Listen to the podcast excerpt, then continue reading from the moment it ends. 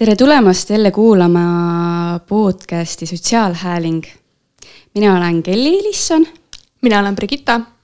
ja täna on meil siis kolmas episood.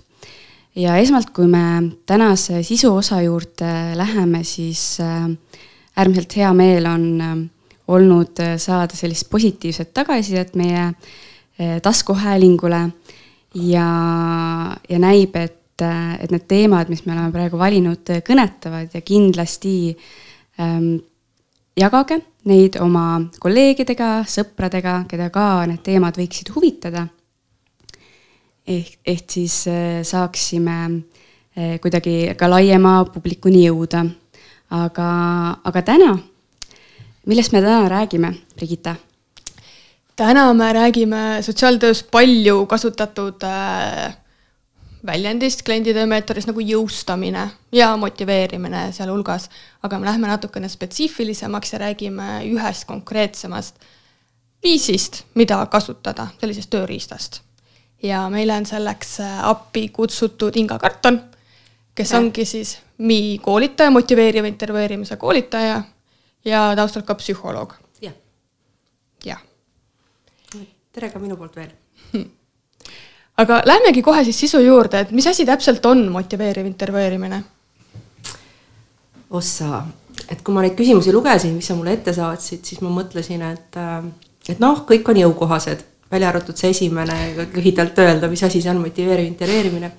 aga eks ma siis viitan klassikutele ja, ja meetodi loojatele kes äh, tihtilugu, kui nad alustavad motiveeriva intervjueerimise defineerimist, siis nad ütlevad, et MI on ennekõike suhtlusmeetod. ja, ja ta võiks välja näha nagu vestlus kahe hea sõbra vahel.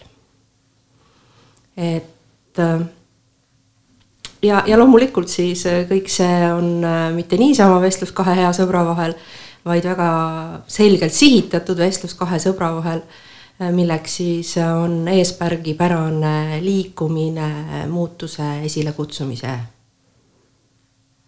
läbi muutuse suunal mm. -hmm.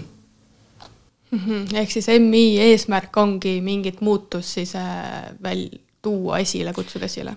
noh, jah, kliinilise meetodina on ta mingi põhjusega siin, siin ilmas, et kenasid vestlusi me võime igasuguseid pidada, pidada aga kui me räägime aitajatest, praktikutest, siis äh, ilmselt nende tööriistakastis oli omal ajal midagi vajaka, et siis selline väga nii-öelda mitmete selliste haakumistega erinevatesse olemasolevatesse teooriatesse, aga mitte midagi, üks nendest, äh, meetod nagu motiveeriv intervjueerimine, äh, sai siis mitte kokku pandud niivõrd, kuivõrd kasvas praktikast välja.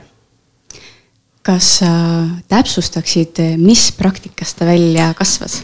jaa, ennekõike sai motiveeriv intervjueerimine alguse tööst sõltlastega, kus siis üks meetodi rajaja Bill Miller parasjagu oma koduülikoolis ja kliinikus äh, sellist praksist äh, nagu evis ja, ja õpetas ta küll oli taustalt ise kognitiivkäitumusterapeut, aga aga kui ta siis ühel hetkel, et see on selline epohiline lugu, eks ju, kutsuti ta oma juurte juurde Norrasse vabasemestri lõpetama sealseid psühhiaatreid ja nad palusid tal just nimelt raske kliendiga rolli mängida, kus ta siis oli nõustaja. Ja, ja teda katkestati mitmel juhul, et see ei olnud tüüpiline KKT, mis ta teeb ja, ja uuriti, et miks sa just nii küsisid ja ja miks sa just peegeldasid neid asju tagasi, mida sa peegeldasid. ja ta, ta ka ise ka seda kirjeldab, et ega ta ei olnud varem mõelnud, see oli kuidagi asjade käigus välja kujunenud, et, et, et ilmselt see tagantjärgi refleksiooniga mm, äh, nagu asja iva oli selles, et äh, sõltuvusprobleemidega inimestele öelda, et nad teevad midagi valesti äh,, nagu igasuguse probleemiga inimesena, nagu on selgunud ei, ei täida eesmärki ja, ja pigem nende ärakuulamine, mõistmine, et miks nad on seal, kus nad on, oli see, mis tema töös äh, nii-öelda vilja kandis.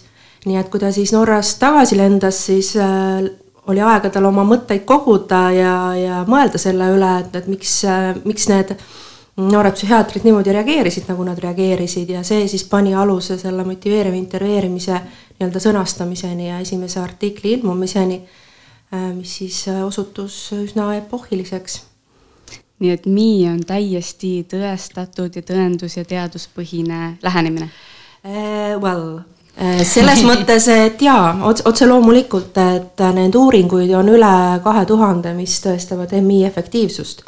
aga, aga selles mõttes, et ta on jah, praktikast välja kasvanud, et meil tegelikult mm, selles ringkonnas kipuvad asjad niimoodi käima, et praktikud käivad ees ja siis äh, teadlased meetriga järel et, et jälle keegi nagu seletab, jagab, mõtleb mingite asjade üle, vaatab, et hmm, seda võiks uurida, ma täpselt ei tea, mis see on, aga töötab. Ja siis, kui äh, teadlane juurde võtta või juhtub inimene ise olema üks kahes, et selliseid inimesi on ka motiveeriva intervjueerimise maailmas päris palju, nagu Bill Miller ise, Steven Rollik, kes, kes on tegelikult ju äh, klinitsistid selles mõttes, eks ju, et nad ka ise töötanud, on töötanud inimestega. Siis, äh, äh, siis, äh, siis nii see, nii see teadus sünnib ja areneb mm. -hmm. et väga niisugusest praktilisest vajadusest tegelikult välja kasvanud tööriist. jaa, praktilisest sellisest olukorrast, situatsioonist, kus kus ma arvan, et me kõik oleme kasvõi alustajatena, kes me inimestega töötame ennast, vähemasti mina olen tundnud selles situatsioonis, et et käime nagu kassid ümber para pudru ringiratast, aga edasi ei liigu ja seetõttu, kui mina esimest korda motiveerivast intervjueerimisest kuulsin, olles äh, nelja-aastase bakalaureuse kraadiga, äh, tea-, valdavalt siis teaduspõhise, väga vähese olematu praktilise kogemusega läinud vanglasse tööle ja täpselt seda ma tundsin. et mulle ilusasti minu kliendid ütlesid vastu, noh, mul oli meeles ikka õpingutest, et klienti tuleb harida tema häires. noh, mis, mis, mis suunaga see on ja siis nad mulle kuulasid mind kõik alati väga viisakalt ära ja siis varem või hiljem äh, nad teadsid mulle, et te olete loomulikult äh, noor ja tark inimene. aga, ja kõik see, mis te räägite, võib olla väga õige, aga. ja, ja siis ma, siis ma seda tunnet tundsingi. et mi, MI tuli ka sinu ellu sihukesest praktilisest vajadusest? absoluutselt, see tuli väga praktilisest vajadusest ja väga õigel hetkel, et ma ei tea, kas ma oleks selle ala peale jäänud, ma oleks ilmselt sealt pagenud palehigis, sest äh, suhteliselt sellise protsessile, nüüd ma võin öelda, protsessile orienteeritud ja, ja, ja sellise noh, kaasamise vajadusega, et mul on väga raske teha oma klientide, patsientidega koostööd, kui ma tunnen, et me nagu ei ole ühes paadis, et ja, ja motiveeriv intervjueerimine on mulle hästi palju nagu võimalusi andnud mitte kogeda seda tunnet. Mina saan täiesti jagada, et mina ka olen motiveeriva intervjueerimise algõppe siis läbinud ja tuli ka puhtalt sellisest nagu praktilisest vajadusest ehk siis praktilisest tööst noortega, kes ei tööta, ei õpi. ja, ja mis on nagu hästi huvitav, et ähm, et tegemist on tõesti, mulle tundub sellise hästi universaalse tööriistaga, et, äh, et sai klass, kasvas nagu välja sellisest, äh, võib öelda kliinilisest maailmast. ja täna ma ütleks, Eestis kasutatakse väga palju seda noortevaldkonnas nagu tõesti. ja ja, ja kui, kuidas sulle nagu tundub, et kas ma ütleks, bakalaureuseõppes nagu nii, me ei puutunud nagu sellega nii palju kokku või, või minul vähemalt puudus selline teadvustamine, et see on tööriist, mida võiks nagu õppida või mille kohta võiks nagu rohkem uurida. sotsiaaltööõppes siis? just, just. et, et kuidas sulle, Inga, tundub, et kas, kui laialdaselt seda päriselt täna inimestega töös kasutatakse ja kas see tulebki eelkõige nagu praktilisest vajadusest või on meil ikkagi nagu teatud valdkonnast, kus ta on ikkagi ülikoolides ka näiteks tugevalt sees?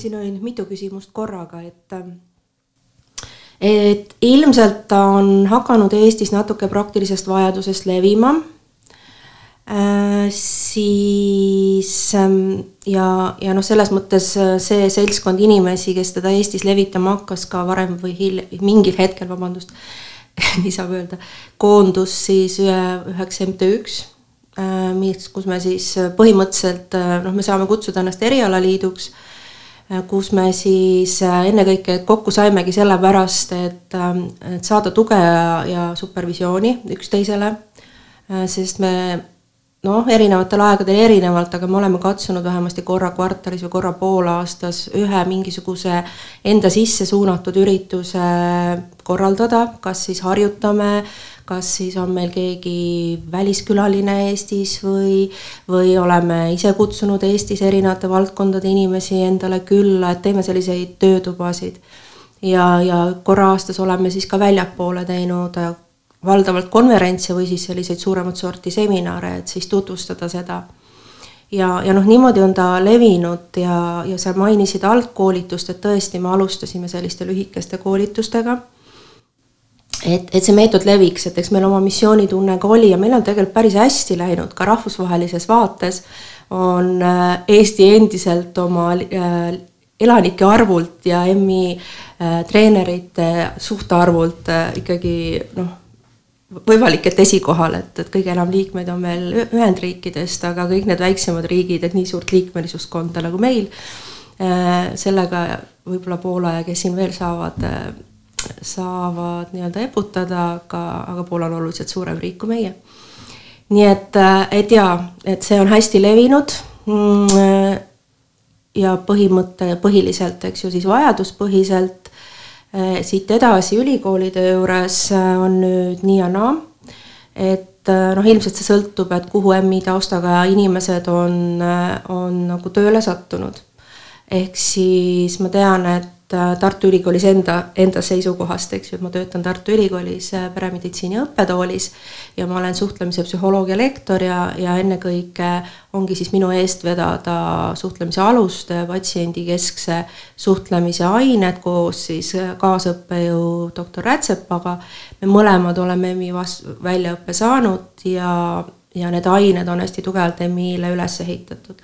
et me ei saa öelda, et me teeme puhast motiveerivat intervjueerimist, aga me oleme selle integreerinud siis, siis kaasaegsete tõenduspõhiste meditsiinikesksete suhtlemis selliste noh, raamistikega võiks, võiks siis öelda, kuhu, kuhu sisse MI kui, kui meetodi, töövahendi nagu õpe väga-väga hästi sobitub, aga me vaatame loomulikult laiemat konteksti siis ma tean, et Tõnu Jüri on Tartu Ülikoolis kasvatusteadustes, teeb MI põhist äh, mm, koolipsühholoogidele kutseaastat. Äh, siis Tallinna Ülikoolis mina äh, oman ühte magistrikursust sotsiaaltöötajatele, nüüd siis neljas, neljas aasta, jah. Aga ma tean ja et, et paljud, paljud annavad seal tagasisidet sellele, et seda kursust võib-olla oleks neile bakalaureuseõppes vaja et noh, ja siis, siis võib-olla Tallinna Ülikoolis natukene kasvatusteadustes seal Elina Malleus veab võib-olla natuke neid teemasid eest, et EM-i spordis on, on ka selline noh, arenguvaldkond ja, ja siis võib-olla jah, on nagu organisatsioonide tasemel rohkem nii et tegelikult väga laialdaselt, et motiveeriv intervjueerimine ei ole kitsalt selline psühholoogide tööriist, mida ei. muidu võiks nõustamismeetodilt võib-olla eeldada. ja, ja üks koht jäi meelest ära, et väga pikalt on ka Justiitsministeeriumi haldusalas see sees ja, ja Sisekaitseakadeemia ja korrektsiooni erialal ka seda, seda küll teise aine sees, omal ajal nimetati seda ainet sotsiaalprogrammid, aga, aga seal sees õpetatakse neile ka. nii, nüüd vist ei teinud kellelegi liiga mhm väga mitmekesine põld. aga milliste, kui me räägime sotsiaalvaldkonnas, siis milliste sotsiaalprobleemidega või milliste sihtrühmadega oleks see motiveeriv intervjueerimine kindlasti praktiku tööriist, mida kasutada? mina ei oskagi siia tegelikult piire panna, pigem on see inimese probleemipõhine, et lihtsalt teatud situatsioonides seda, see ilmselt ei piisa. Äh, või seda ei saa kasutada sellisel määral, ütleme noh, ütleme, ütleme neid ähm, tehnilisi võtteid. aga ma usun, et minu päris kindel veendumus on, et kui sa oled selles äh, MI nii-öelda gestaldis, äh, mida siis kutsutakse no MI, MI spirit, mida me oleme siis ka eesti keelde MI vaimsusena tõlkinud, et äh, samas noh, seal on natuke seda spirituaalset tausta, sest Bill Miller on sügavalt religioonne inimene, kuid, kuid see ei ole selles mõttes niivõrd religiooni mõttes äh, vaimsus, kuivõrd noh, muidugi ta võib selleks saada, kui väga tahta. Aga, aga just nimelt see, et sa vaatad asja nagu tervikuna ja seal sees on need üldinimlikud äh, komponendid, eks ju, et et ma austan teist inimest, ma ei pea ennast temast paremaks, ma tahan tema heaks midagi ära teha, ma usun, et äh, ta saab hakkama ja ma saavutan seda ennekõike, kui me oleme sellises heas koostöölises suhtes Mhm, selline mõtteviis, mis ja. tegelikult iga kliendi töö puhul tuleb väga kasuks. absoluutselt, et äh, nüüd, kui tuli välja uus raamat, äh, see on teine, teine trükk äh, Motiveeriv integreerimine sotsiaaltöös, siis seal on nii lahe tabel, kus on võetud rahvusvahelised sotsiaaltöö eetikaprintsiibid ja siis pandud EM-i vaimsus sinna, sinna vastu nii-öelda. Ja sisuliselt ei ole ühtegi katmata ala. Just, et ma ka tunnen tegelikult, et mul on ka motiveeriv integreerimise kesktase ja seda õppides seal, ta on sotsiaaltööga otseselt, see MI vaimsus on ühtne tegelikult niisuguse sotsiaaltöö vaimsuse väärtuste eetikaga, aga lihtsalt MI annab niisugused mõnusad konkreetsed äh, võtted, kuidas siis seda vestlust täpsemini suunata. et ma arvan ka, et ta on väga omane meie valdkonnale tegelikult. absoluutselt. täiesti nõus. me natukene rääkisime ka nendest äh, elementidest ja eks meil selle tänane osa on ka natukene selline isuärataja, sest minu hinnangul, see on puhtalt mu subjektiivne arvamus, võiks tegelikult iga inimestega töötav äh, inimene siis äh, miist olla teadlik ja neid elemente nagu teada ja osata kasutada, sest äh, ta tegelikult on hea ja väga praktiline tööriist. kas sa tooksid välja, mis need Mi põhilised elemendid on mm? -hmm et, et siit ma nüüd jälle tulen natuke kaugemalt mm, -hmm. et sind kuulates, et, et tõesti, et siin, siin, mis ma võib-olla tahaks, et siin ka kõlama jääb, on see, et, et selleks, et tegelikult motiveerives intervjueerimises oskuslikuks saada, läheb omajagu aega. ja aga mm, nii nagu ütlevad ka meetodi autorid, et kuna ta põhineb sellisel väga tugeval talupojaloogikal ja, ja kuna ta kaasab endasse juba mitmeid neid samu elemente, tööriistu, mis enamasti praktikul tööriistakastis juba on, äh, lihtsalt ta paneb need natukene fancy malt tööle. Et, äh, et see võtab aega, et kuidas seda noh, et sa võid, sa võid käsitleda seda, seda haamrina, eks ju, ja kõiki kruvisid naeltena kujutada ja võib-olla isegi see pilt saab üles riputatud aga, aga tegelikult äh, saab seda tööriista väga-väga palju mitmekesisemalt äh, ja kõiki, võib-olla kõiki, kõiki nii-öelda vahendeid rakendat-, rakendatavaks panema, panema, issand, ütleks nii segaseks. aga et, et need, need põhielemendid, mis e-, ilmselt igas tööriistakastis praktikul on, on siis küsimuste küsimine ja, ja me räägime küll avatud küsimuste küsimisest, viimased uuringud või ühesõnaga pikka aega uuringud, kus uuriti nende vahet, siis suures osas tegelikult ei, ei leidnud, et oleks väga erilist vahet sellel, mis liiki küsimusi küsida. Kuid, kuid samas praktikud ikkagi tunnetuslikult ja eriti need, kes siis kuulavad ja analüüsivad ehk kodeerivad teiste praktikute intervjuusid, ikkagi kogevad seda, et, et selline avatud küsimustele üles ehitatud intervjuu voolab paremini. suletud küsimused hakivad selle ära, samas on väga konkreetsed ja EM-ile kohased suletud küsimused, mis, mis tunnustavad inimese autonoomiat ja kaasavate vestlustesse. kas sa soovid veel midagi lisada? kas sul on see nüüd selge, mida sa, mida sa kuulsid praegu ühesõnaga, et, et, et sellised täpsust-, täpsustavad küsimused siis, siis edasi üks, üks põhiline tööriist on peegelduste tegemine ja ma usun, et seal mm, motiveeriv intervjueerimine on iluliselt, ilmselt kaugemale läinud kui, kui näiteks kõik aktiivse kuulamise meetodid, et ta läheb sügavamale. et mitte, et sa ei kuula huviga ja ei anna tagasi, vaid sa tegelikult kuulad jällegi sihitatult, eesmärgipäraselt ja sa kuulad teatud asju. näiteks sa kuulad, kui palju klient räägib samaks jäämise juttu või muutuse juttu ehk siis need, kes meid teavad, need teavad, eks ju, et samaks jäämisjutt on, on kõik argumendid, mis äh, on praeguse olukorra kasuks ja uue olukorra kahjuks ja ja muutuse jutt on argumendid, mis on praeguse olukorra kahjuks ja uue olukorra kasuks. ja me üldiselt, me üldiselt räägime nii ühte kui teist. kui meil on mingisugune keeruline olukord või otsus teha. ja, ja, ja tihtilugu on seal vastuolu sees et see asi, mis on praeguse olukorra kasuks, võib olla uue olukorra kahjuks ja vastupidi. või vastuolu võib olla see, et kuidas me praegu käitume ja mida me tegelikult tahame, on vastuolus. ja, ja tegelikult me väga strateegiliselt kuulame seda, seda vastuolu sealt välja ja mitte, et me lihtsalt ei peegelda tagasi, vaid me peegeldame tagasi seda vastuolu äh,, seda kliendi mm, seda suhteliselt ikkagi sügavat sisemist noh, hirmu, tungi, vajadust, mis, mis on tema sõnade taga. et üritame seda ära tabada, mis, mis paneb teda muutuma või mis takistab teda muutumast ja, ja me kuulame seda võtmes, et äh, ja, ja peegeldame tagasi võtmes, et seda samaks jäämisjuttu nii-öelda pehmendada, mitte ignoreerida, vaid just nimelt pehmendada.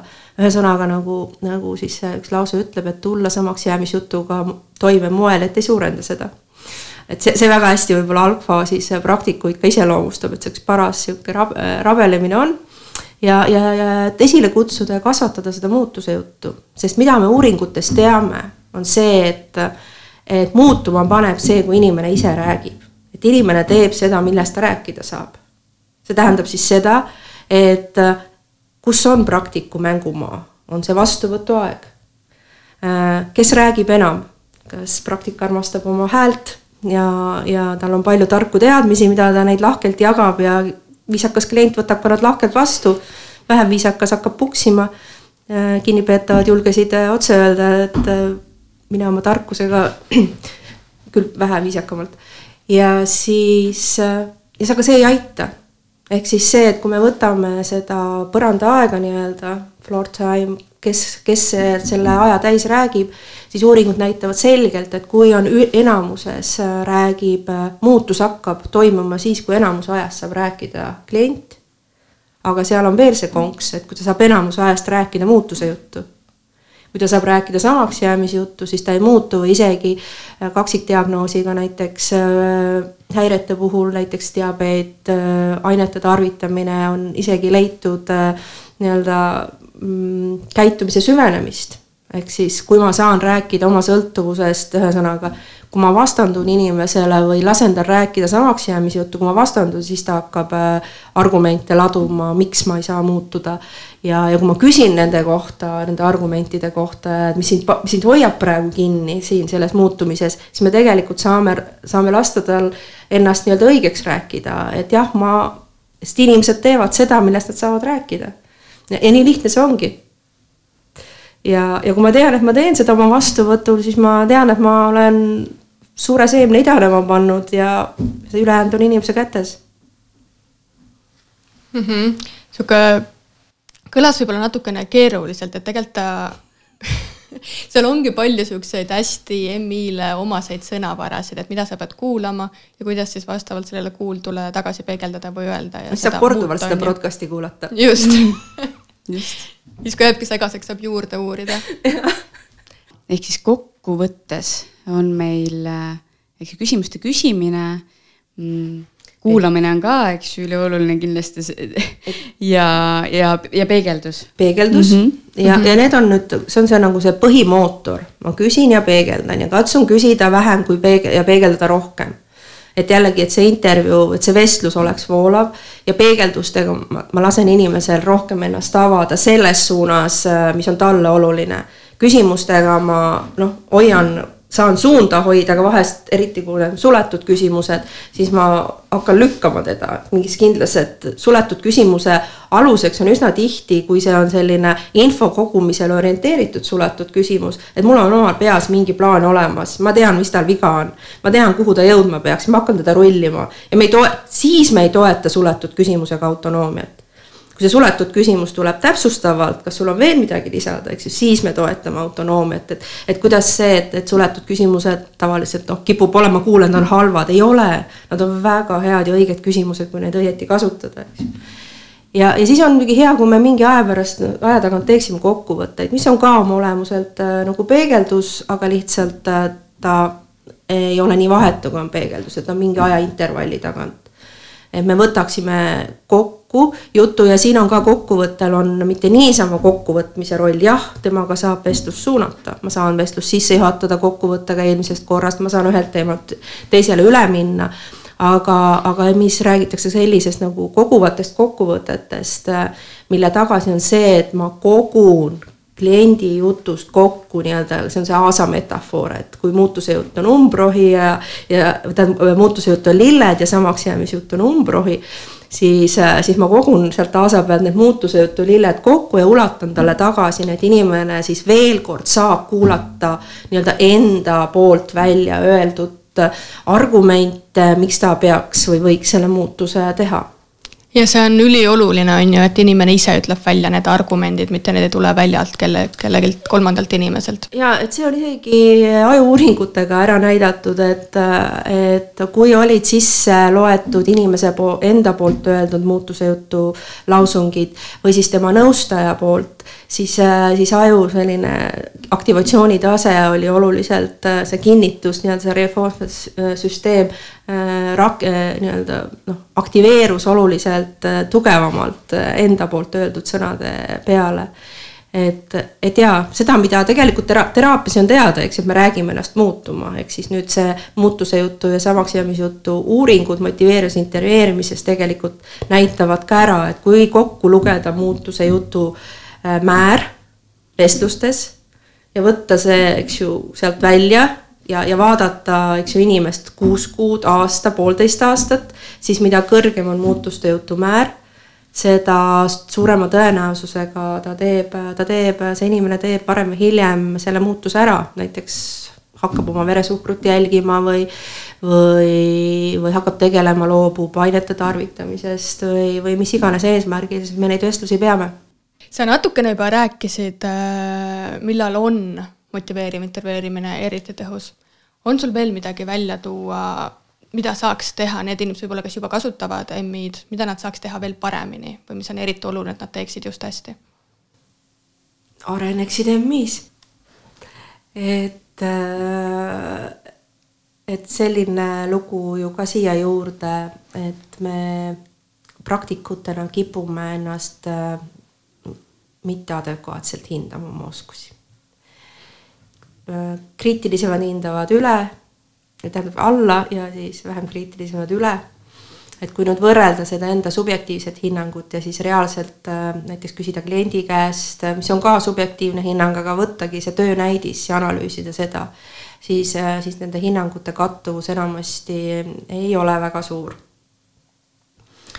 see, see tähendab seda, et üks, üks minu nagu ka nagu lemmikidee Mm, mida siin ka Eestis saab äh, ikka evida, aga mis rakendub visalt, on see, et äh, äh, kui Bill Milleri näidet jälle tuua, et kui sa tahad tennist õppida mängima, siis mida sa tõenäoliselt teed, et leiad endale treeneri, kes sind õpetab.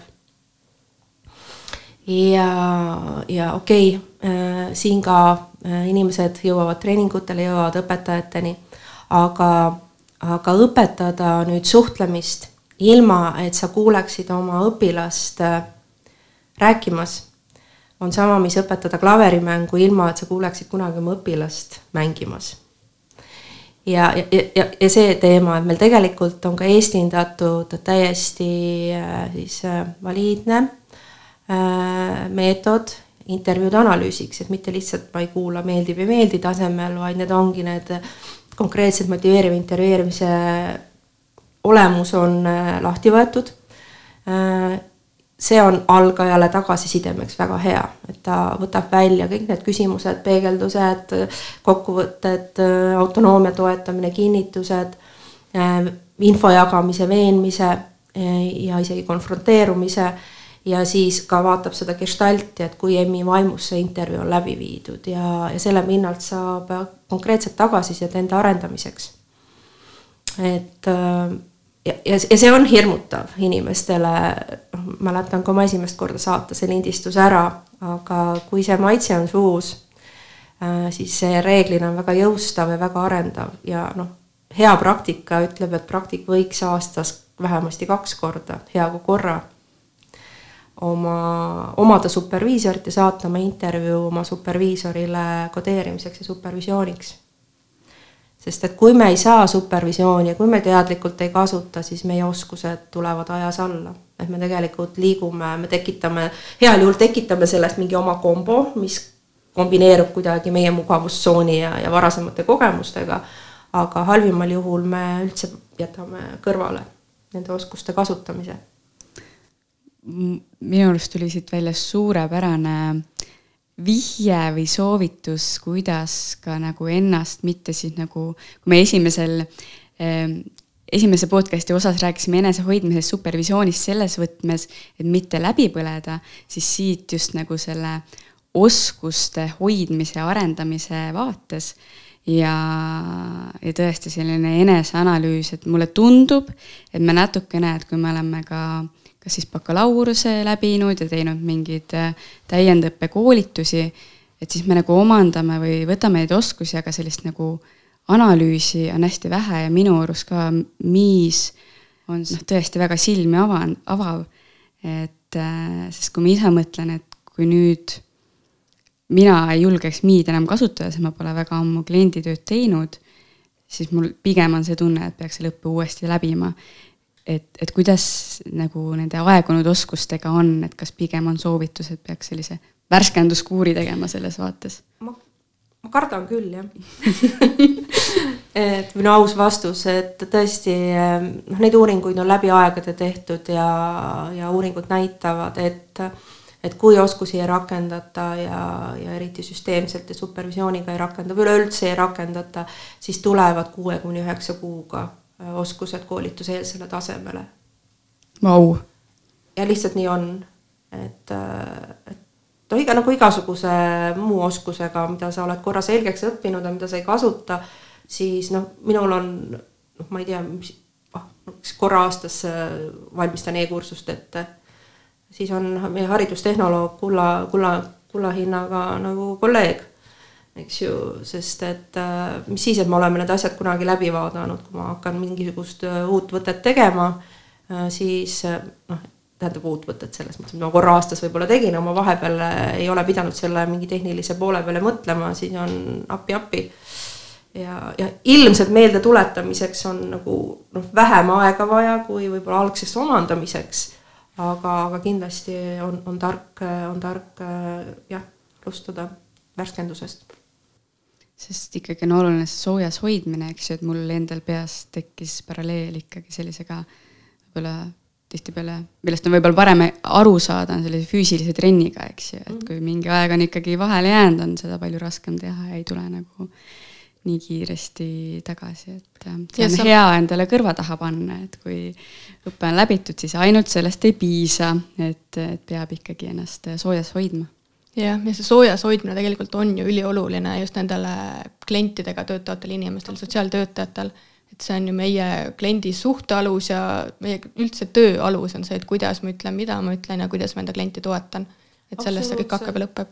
noh, lihtsalt see see nahalähedane kogemus meie oma ühinguga, et et see mõte tuli, me koolitasime, oli just koolitanud ühe grupi noori inimesi, kes soovisid saada siis kodeerijateks, et meil oli võimalus siia kutsuda äh, Ameerikast äh, üks kolleeg välja õpetama kodeerijaid, superviisoreid ja neil oli algtaset vaja. Ja, ja siis noh, tekkis selline kriitiline mass inimesi, keda oli algtasemel koolitatud ja, ja suhteliselt osasid nullist Eh, kellel ei olnud ka nõustamise tausta sellisel määral, ei olnud kõik psühholoogia lõpetanud või seda õppivad inimesed, oli korrektsioonist, oli erinevatest valdkondadest. ja, ja siis läks aastaid mööda, kui me ühel oma aastakogul istusime ja, ja siis eh, need inimesed, kes, kes sellisel moel emitesse said, mitmed ütlesid, et kui ei oleks Emitat, siis me ilmselt ei oleks Emit kasutama jäänud, ehk kui ei oleks olnud seda toetavat kogukonda, äh, siis nad ilmselt ei oleks seda kasutama jäänud. Et kui me praegu käime organisatsioonide tasemel läbi rääkimas, et äh, meil on mitmeid lepingulisi partnereid, kelle, kellega me koostööd teeme siis ma eelistan alati kohale minna või siis meie, noh, mina olin juhatuses ja tegeles, tegelesin nende asjadega või siis meie teised äh, liikmed, kes äh, koolitamise ja juhatuse asjadega tegelevad.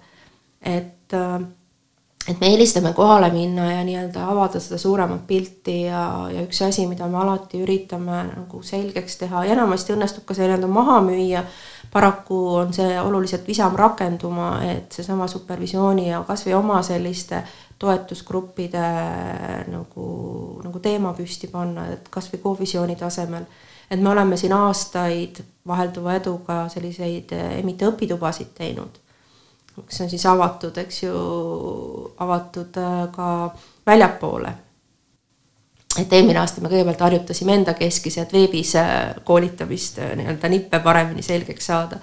aga siis, kui me selle avasime, siis oli ikkagi huvi ja tung, tung väga suur et tegelikult äh, meie ressurss on ka piiratud ja meie inimeste ressurss on piiratud, et oleks hästi tore, kui, äh, kui tõesti noh, kus on juba suuremad kogukonnad, tegelikult ka tööandja nagu mõtleks selle peale, toetaks ja võimaldaks, et ma saan aru, igapäevatöö sees on keeruline nüüd tulla kokku ja ja, ja noh, ikkagi elu võtab nii-öelda ja kiirus, mis iganes põhjustel võtab oma.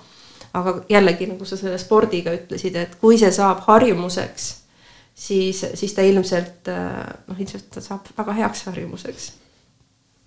sa oled mitu korda toonud välja EMIT, et ma proovin meenutada, mis see pikalt. see on Eesti Motiveeriva Intervjueerimise Treeningu Assotsiatsioon. treeningu assotsiatsioon ja,, jah, just. et me alguses alustasime rahvusvahelise võrgustiku siis mis on siis MINT, Motivate, Motivational Interviewing äh, Trainers assotsiatsioon eesmärgil ja, ja mõtlesime, noh, põhimõtteliselt on võimalik saada ka MINDi nii-öelda ala, ala siis äh, noh, kogukonnaks, partneriks. Äh, aga, ja alustasime ka ainult treen-, neid, kes koolitavad. aga üldiselt me ikkagi lõpuks avasime ennast üsna pea kõigile praktikutele just nimelt äh, selle mõttega, et me tegime natuke ka enda sisemas selle otsuse ära, et äh, okei okay,, me saame siin ise oma, omakeskis ka hakkama ja, ja olulisem on toetada praktikuid ja, ja olla ikkagi rohkem äh, selline noh, kohalik erialaliit. ja õnneks on meid rahvusvaheliselt ka selliselt nii-öelda tunnustatud ja aktsepteeritud, et, et võrgustiku sees et, äh, et on teisigi selliseid kohalikke kogukondi, kes ei saa võib-olla mis iganes äh, siis äh, kas siis noh, ma ei tea, regionaalsetel või, või, või noh, põhjustel kuuluma sinna, et, et see rahvusvaheline võrgustik on praegu hästi tugevalt jah, piiritletud treeneriks olemisega. samas noh, jah, Eesti väiksuse juures ma arvan, et see ei, see ei noh, nagu ei ei täida eesmärki, ei kata ära, eks ju.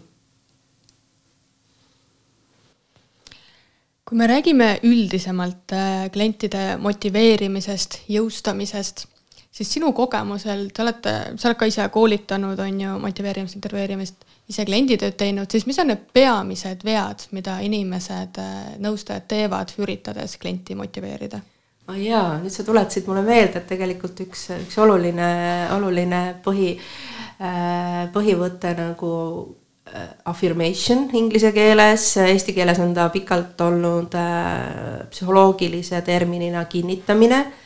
ja praegu, kus meil on tõlkimisel motiveeriva intervjueerimise põhi, põhiraamatu kolmas väljaanne, siis me oleme hästi tugevalt nendel teemadel diskuteerinud tõlkide keele, keeleinimestega ja ma ei tea, mis sinna viimase versioonina sisse on jäänud, ma ei ole veel seda näinud, aga me liikusime tunnustamise poole.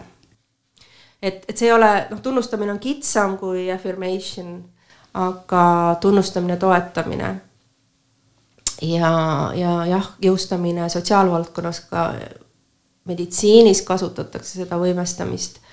Et, et see on üks, üks põhivõte. ja, ja miks ta on nii tähtis põhivõte? eks ju, et miks see nii oluline on, et me räägime sellest, aga miks me sellest räägime ja, ja siin võib-olla tuleb appi siis äh, veel üks selline põhiline konstrukt motiveerivas intervjueerimises, mida praktik võiks ja peaks jälgima, on see, et äh, mis asi on motivatsioon. Neid motivatsiooniteooriaid on igasuguseid ja uhkemaid veel. Äh, väga palju abi mõtestamisel annab enesemääramise, isemääramise teooria, self-determination theory. aga see ei ole ka päris MI. ja, ja minu tõlgenduses motiveerivas intervjueerimises motivatsioon taandub kahe telje peale, millest üks on tähtsus ja teine on eneseusk. ehk ja praktikud ütlevad tunnetuslikult, eks ju, et, et see hinnang seal kümne palli skaalal peaks seal kuskil seitse või rohkem olema. See, seda ei ole uuringutega tõestatud, see on selline praktikute kõhutunne, igal juhul ta peab olema ikkagi päris skaala tipus ja mõlemal skaalal. ehk siis, ja nüüd me jõuamegi selle, et enamasti, kui inimestel on probleemid, nad tähtsustavad, et neil, nende elu oleks parem ilma selle probleemita. ometi nad ei muutu. ja praktikutena me kipume tihti kinni ankurdama ennast selle tähtsuse peale, no sa tead ju küll eks ju, ja noh, et, et siis seda, seda tagasi peegeldama, seal kaevama. ei ole mõtet kaevata seal, mis on kõrge selles skooris. sest see paradoksaalselt ajab inimese uppi, sellepärast et me peame toetama inimest selles, mis on madal. ja nüüd see, see teine pool, kui see eneseusk, enesetõhusus on madal, siis inimene ei jaksa muutuda, ta ei oska muutuda, ei suuda muutuda. ja sisuliselt ainus kõige paremini toimiv võte, tööriist äh, tõstmaks inimese eneseusku on tema tunnustamine, tema, temale toetusavalduste tegemine. nii et kui ma, kui ma seda teen ja see õnnestub, siis ma näen reaalselt, minu klient, patsient annab mulle reaalselt äh, vastuse, et see on teda kuidagi puudutanud kas siis kehakeelega läheb palju sirgemaks seal toolis või nägu läheb tähtsamaks või, või mõnel tuleb pisar silma. et, et see on see. ja, ja, ja kui ma nüüd selliste paradoksaalsete või metafoorsete väljenditega võin jätkata, et siis siinjuures on ka oluline meeles pidada, et see ei muutuks selliseks, et oh, ma tean, tal on enesehinnang madal, ma nüüd teda tunnustan. et see ei muutuks selliseks nagu cheerleading uks kätte ära et, et tegelikult nende tunnustamistega on, on nii nagu, nagu siis ähm, ühes, ühes foorumis äh, rahvusvahelisel äh, sõnastati, et, et see, see affirmation tunnustamine võiks, võiks mõelda nagu soolast magustoidu sees, et äh, et kui teda on palju, siis ta rikub selle ära ja, ja kui teda on, on, ei ole üldse või on vähe, siis on see, see maitse ei tule esile et, et, et see on selline hästi kallis valuuta, mida, millega sa võiksid kogu aeg tegeleda praktikuna, mõelda, et kus on selle inimese need äh, aspektid, mida ma võiksin, võiksin tunnustada ja siis, siis teha need üksikud, aga hästi võimestavad tunnustused et inimese muutus või mingi käitumisviisi muutus ei ole pelgalt ainult motivatsioon, vaid see eneseusk on tegelikult sealsama oluline. mina ütlen, et eneseusk on motivatsiooni üks tegur, et see motivatsioon ei olegi ainult tähtsusest kinni, et mul on see eesmärk ja ma liigun selle eesmärgi suunas. vaid et ma pean olema, ma pean tundma, et see liikumine on mulle jõukohane. et needsamad, et üsna täht-, üsna tihti ja neid võrdsustatakse, tähtsust ja motivatsiooni, aga motivatsioon on tähtsus ja eneseusk ja mõlemad peavad kõrged olema. et me saame ette kujutada ka teistsugust olukorda, kus eneseusk on kõrge ja tähtsus on madal ja, ja ka siis ei toimu muutust, et miks ma peaksin, ma võiksin, aga ma ei taha. ma arvan, et me jõudsime hästi olulise mõttekohani ja miks ma ütlen, et see on oluline, on seetõttu, et ma olen ise kuidagi hästi palju noortega tööst tun-, kuulnud seda, probleemiks on see, et äh, motivatsioon on madal. Ma ütlen, et see on alati millegi nagu tulem, eks ju. et, et probleem ei, ei ole iseenesest see, et motivatsioon on madal, aga seal taga on veel midagi rohkemat. ehk siis äh, me peame vaatama nagu sügavamale, et ma arvan, et see, mis sa välja tõid, et motivatsioonil on omad elemendid, mida peab silmas pidama, et see on hästi-hästi oluline ka inimestele ka töös nagu meeles pidada, et me ei, ei läheneks nagu kuidagi pealiskaudselt. kahtlemata inimene on äh, tervik ja, ja, ja, ja, ja see hästi oluline tegur siin on see tõesti see usk selles mõttes inimese sisse, et kas praktik usub eks ju, ja see, ja see usk kõigub erinevate inimeste puhul ja erinevates situatsioonides, kasvõi iseenda mingist olukorrast tingituna. Et see teine inimene saab endaga hakkama. et, et ta teeb tema jaoks parimad otsused. ehk tegelikkuses esiteks juba mõtestada seda selliselt, et, et see, mis inimene hetkel oma eluga teeb, on tema parim võimalik. et mitte keegi ei tee enda jaoks ilmselt Äh, kahjulikke otsuseid ja samme, kui tal oleks sellel hetkel muud, muud alternatiivi. me pealt oleme kõik targad ja kõrvalt näeme, et tal on ju mustmiljon alternatiivi. sellel inimesel selles olukorras ei pruugi olla ühtegi. et selleks ongi nõustajat vaja, kes hakkabki neid perspektiive avama. et sul ei ole ainult üks käitumuslik või, või, või lahendus sellele olukorrale ja, ja, ja tekitada see turvatunne, et inimene julgeks ikkagi üsna sügavale minna ja mõtestada lahti enda jaoks, et et mille taga ma siis ikkagi kinni olen ja, ja kuidas ma, kuidas ma siit, siit välja saan, kui ma tahan. jah, see ma, arvan, et väga hästi öeldud, see võimaluste avardamine versus see, et me kuidagi ikkagi spetsialistidena tihtipeale ise arvame, et me teame neid lahendusi ja tahame eh, seda nagu ette sööta, et, et jällegi, mis selle inimese sees, eks ju, toimub ja ja kas ta on üldse selleks võimeline, selleks, mis meie peas on jaa, nii et head nõustajad, kõik, kes te inimestega tegelete, et kui te kuulete sõnapaari jah, aga, siis teadke, et te olete ekspertlõksus räägi sellest natuke lähemalt mm. -hmm. Ekspertlõks on üks üks kavalamaid lõkse ekspertide jaoks. ja see tuleb just nimelt sellest, äh, mida sa rääkisid, et professionaalina on meie sees ju hullult teadmisi ja, ja minu haridus pani mind ekspertlõksu, kes ütles, et, et patsienti tuleb või klienti tuleb harida tema häires, jah. eks ju, mis on siis puhas ekspertlõks, mina lähen ja mina räägin, mis sul viga on. jah, mitte et nad ei teaks, mis neil viga on eks ju, isegi kui nad sulle väljapoole ütlevad, et ei, mul ei ole mitte midagi viga, siis tegelikult kui sa nüüd natukene rohkem inimesega oled töötanud, siis sa tead, et need on vastandprotsessid, et inimene teab väga hästi, kui mina ütlen, et kraavis ta on, kujupis ta on. aga väljapoole tahaks ikka paista, et püsti olen ja ainus viis ennast püsti ajada on siis äh, öeldes sõnadega, et ma tegelikult ei ole kraavis, et minuga on kõik hästi. Äh, ma ei ole, ma lihtsalt, ma saan, ma ühesõnaga kõik need, kõik need kenad väljendid on ju, mis, mis meie tõlgendame, siis algselt tõlgendati ka vastupanuna. noh, tegelikult äh, on noh, seal on vahe sees, et, et kas meil on ebakõla suhtes ja, ja me vaidleme või, või inimene siis on sunnitud keskkonnamõjudele vastuseks rääkima samaks jäämisjuttu, ehk ehk kui keegi teda väga püsti tahab upitada, siis ta ütleb, miks sa mind püsti upitad, ma ei ole ju viltu, ma ei ole ju kraavis, jah. et need põhi, põhidimensioonid, nende peale mõelda ja vot see, see käivitub meie sees, see parandamisrefleks, ekspertlõks, parandamisrefleks, natukene sama kategooria asjad. et see parandamisrefleks käivitub meie sees aitajatena, sest noh, ma usun, et kõik aitajad tahavad head.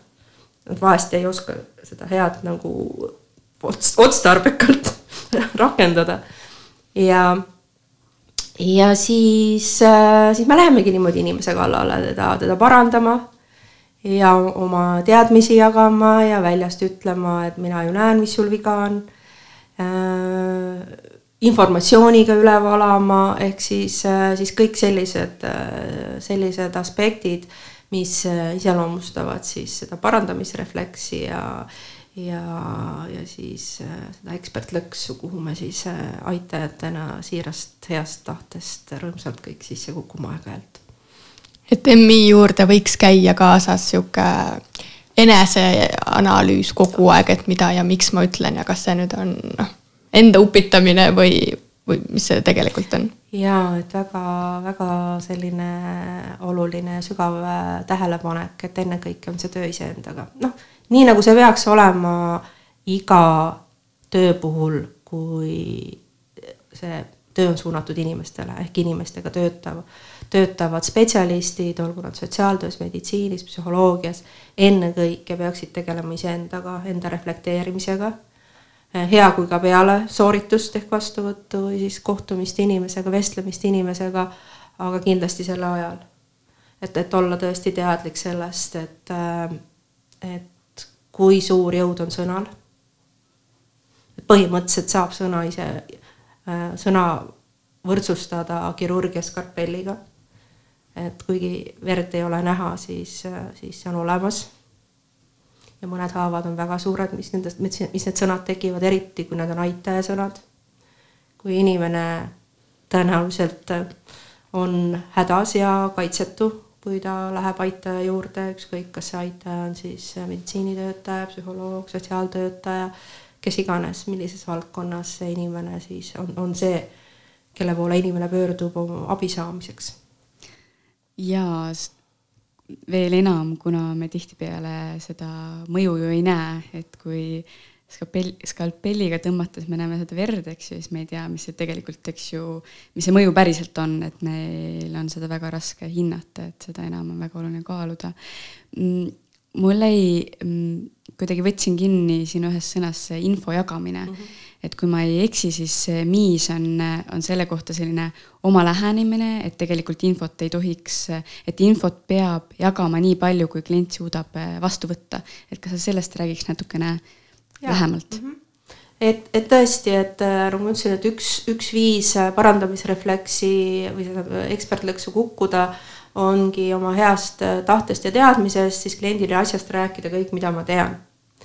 ja, ja jällegi see klienti ei aita äh,. väga mitmel põhjusel äh,. esiteks äh, kõikidel inimestel ja võib-olla probleemiga inimesel, kellel võib-olla ärevus on isegi suurem seal nõustaja juures olles Mm, või, või meediku juures olles, kuna tal on mure oma, oma tervise pärast näiteks või oma, oma psüühilise seisundi pärast või mingi majandusliku olukorra pärast, mis iganes põhjustel ta siis nõustamisel on äh,, siis aga niisamagi juba inimese võime infot vastu võtta on suhteliselt piiratud äh,. pluss veel, me teame, et, et info võib salvestuda meie mällu väga erinevatesse kohtadesse ja moel Äh, ja, ja, ja kõike seda arvesse võttes, siis äh, motiveerus intervjueerimises soovitatakse siis äh, jagada infot väga tugevalt inimese autonoomiat ja vajadusi toetaval moel. ja, ja siin on nagu kaks, kaks nagu sellist paralleelset protsessi, üks on see, et sa kõigepealt küsi, kas see inimene üldse tahab sinu käest infot, tee kindlaks, on ju, kas ja millist infot ta sinu käest tahab, siis siis sa juba tead, mis ta teab, võid uurida ka seda, mis ta juba teab, siis sa saad teada, mida ta ei tea ja jaga, me öeldakse, et jaga infot kliendi vajadustele kohandatuna, mitte et kogu infot, vaid just nimelt see konkreetne tükike seal, kus, kus ta puudu on.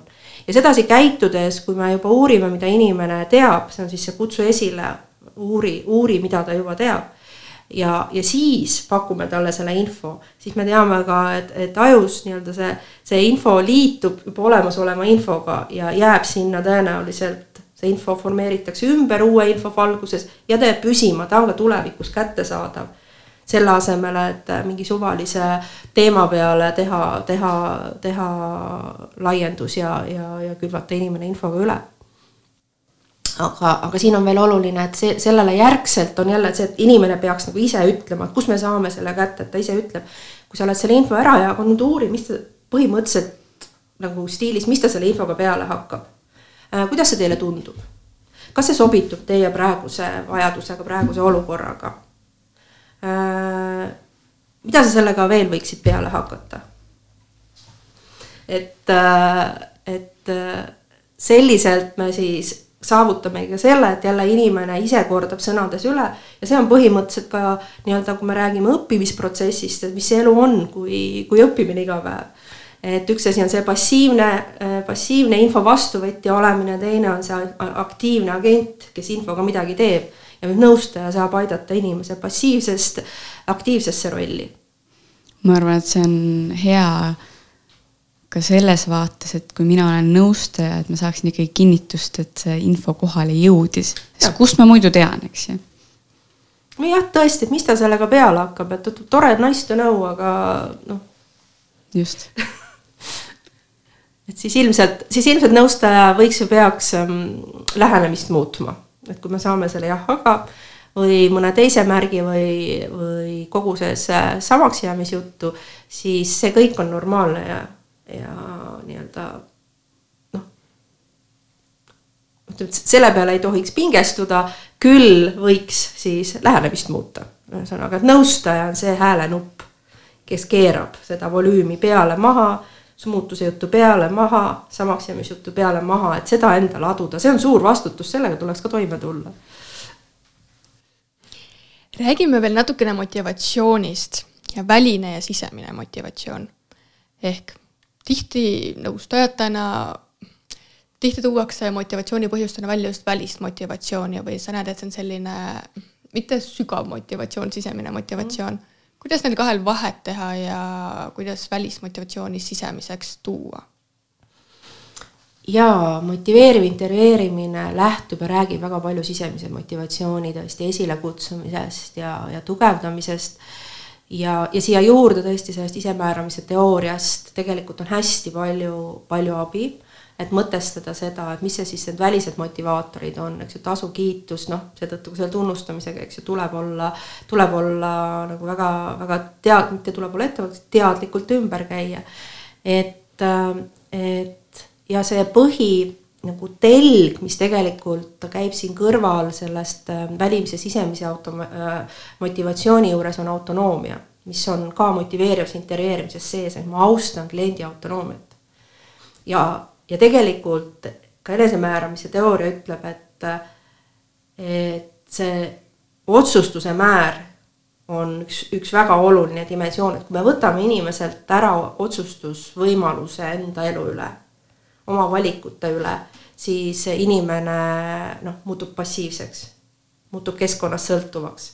ehk mida toetavam on keskkond, seda suurema tõenäosusega inimesed teevad asju oma, oma nii-öelda oma tahtest.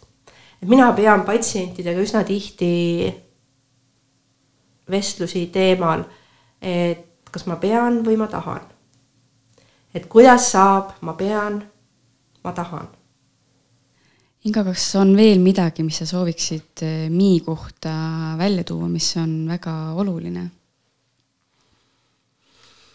oih sama raske küsimus kui esimene raskelt alustame, raskelt lõpetame uh,. ma ei tea, võib-olla ma siia juurde lihtsalt toon sellise väikse mõttesilla meie suvisesse seminari, mille me korraldasime Emita kümne aasta täitumise puhul. ja seda me korraldasime vabas õhus ühes turismitalus ja meil on ka kuskil väike klipikene selle kohta ringlemas, et me lasime selle üles võtta. Ja kui me siis alguses kitsamas ringis seda kokku pandud kollaaži vaatasime, äh, et seda paremaks teha, siis me mitte keegi ei osanud seda kuidagi paremaks teha, sest et see oli kõik nii äh, jõustav ja, ja helge ja, ja, ja armas. Äh, mis siis ongi mõtlema pannud selle või pani meid ka selle ju, selle peale mõtlema, et, et see EMI on küll üks äh, tore selline sootsium, mis toob kokku toredaid inimesi, kes, kes soovivad mitteekspertidena maailma natukene paremaks muuta.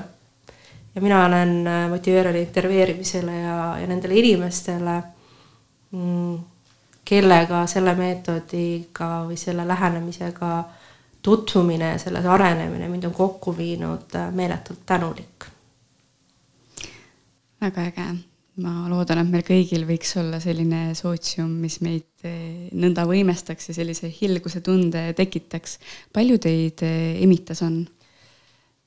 see number natukene varieerub ümber kolmekümne praegusel hetkel aga sinna olid meie sõbrad kõik kutsutud, et mm. meie korraldasime oma sõpradele pikniku koos, koos töötubadega. väga äge. siia lõppu äh, meil on ikkagi veel mõned küsimused mm, -hmm. millega siis saade täna kokku võtta. esimene küsimus on selline, et mis sind igapäevaselt oma töö juures motiveerib ja sellise sära silma toob? Vastuse nagu sellise sõnadesse paneva vastuse sain ma, me nimelt äh, Emitas omakeskis korraldame ka, see aasta läheb edasi, eelmine aasta hakkasime korraldama teadusartiklite lugemisõhtuid, see on meil mitu aastat õhus, kirjanduse lugemisõhtud, eelmine aasta me selle ellu viisime ja, ja siis äh, ühe, ühte artiklit, kus siis isemääramise ja, ja motiveeriva intervjueerimise nagu võrdlus oli. Äh, või oli see mõni teine artikkel isemääramise teooriast, vot nüüd jääb vastuse võlgu, aga vahet ei ole. aga mõte oli see, et, et seal toodi välja see, et need praktikud, kes suudavad äh, nagu jälgida või olla hetkes ja, ja panustada protsessile, need jõuavad rohkem ja rahulolevamad. ja, ja kuidagi võib-olla ja motiveerivas intervjueerimises, kui sa seda rakendad, eks ju, siis sul ei ole muud varianti, kui olla, olla selles hetkes, sest muidu sa ei suuda kuulata, muidu sa ei suuda sealt neid, neid olulisi asju välja rehitseda, mida sa tagasi peegeldad ja nii edasi. et äh, et ma usun, et see paneb äh, kindlasti silma särama, et ma võin öelda, et paljuski viimane kord töötervishoiuarst küsis, et mis mu hobid on. ma ei saanud talle öelda, et töö on mu hobi ta niigi vaatas mind väga kriitiliselt juba kõige selle peale, mis ma siin elus teen aga päris ausalt, nüüd on ka noh, sellest hetkest alates, muidu ma tegin seda kõrvaltegevusena, kõiki neid koolitamisi ja, ja, ja emite tegevusi ja, ja rahvusvahelises võrgustikus, et see oli puhtalt mu vaba tahte aktsioon. ja kui ma siis nüüd Tartu Ülikooli läksin tööle peremeditsiini seda õpetama, siis ma kirjutasin kusjuures oma headele kolleegidele, et näiss, mis juhtub, et uuringud näitavad, et kui hakatakse me meelepäraseid teguvesi, tegu, tegevusi tasustama, siis kaob huvi nende vastu.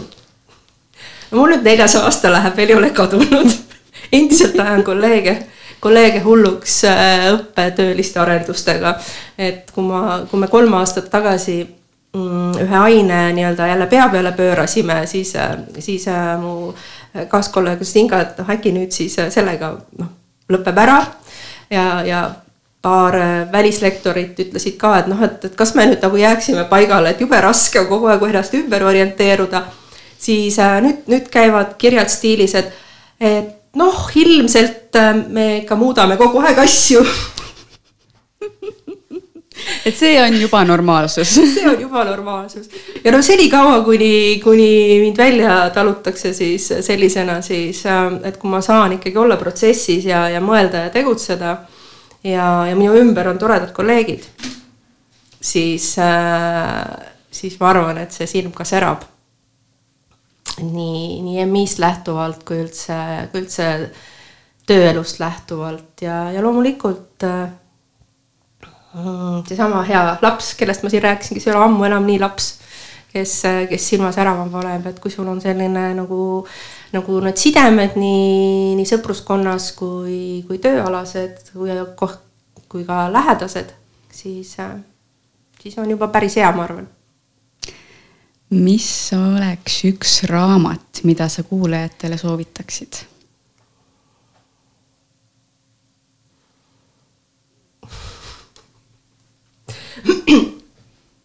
on üks raamat, mida ma kõikidele oma patsientidele soovitan nagu auga et äh, ta oli veel äh, siin aastaid tagasi oli mingid jäägid olid äh, väga, väga mõistliku hinnaga müügis ja siis ma saatsin need lausa ostma seda raamatut, see maksis kolm-neli eurot äh, allahindlusega. Ja, ja minu meelest ilmselt on siin väga palju teisi toredaid raamatuid, aga, aga kuidagi on juhtunud niimoodi, et ta on mul seal riiulis ja ta on mul üsna juba kapsaks tarvitatud Äh, ja selle raamatu nimi on Lõõgastumise stressi juhtimise käsiraamat.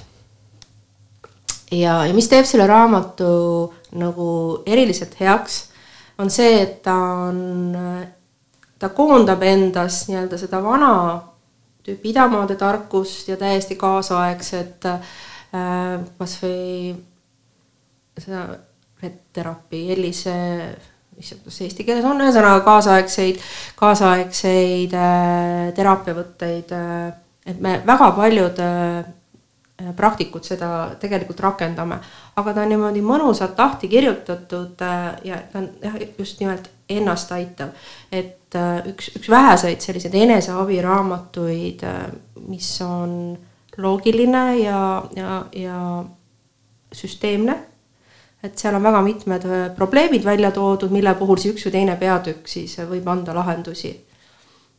et ta räägib nii stressi juhtimisest läbi siis keha ja, ja läbi siis selle mõttetöö. ja igaüks saab siis sealt ise valida. panen kindlasti endale ka kirja. Aitäh sulle, Inga! minu jaoks oli küll väga inspireeriv jutuajamine ja palju panin endale kõrva taha. jaa, mul on ka väga tänulik, et me täna sinuga selle jutuajamise saime maha pidada. ja aitäh kõigile kuulajatele ja järgmise korrani! suur aitäh minu poolt ka kutsumast, oli rõõm!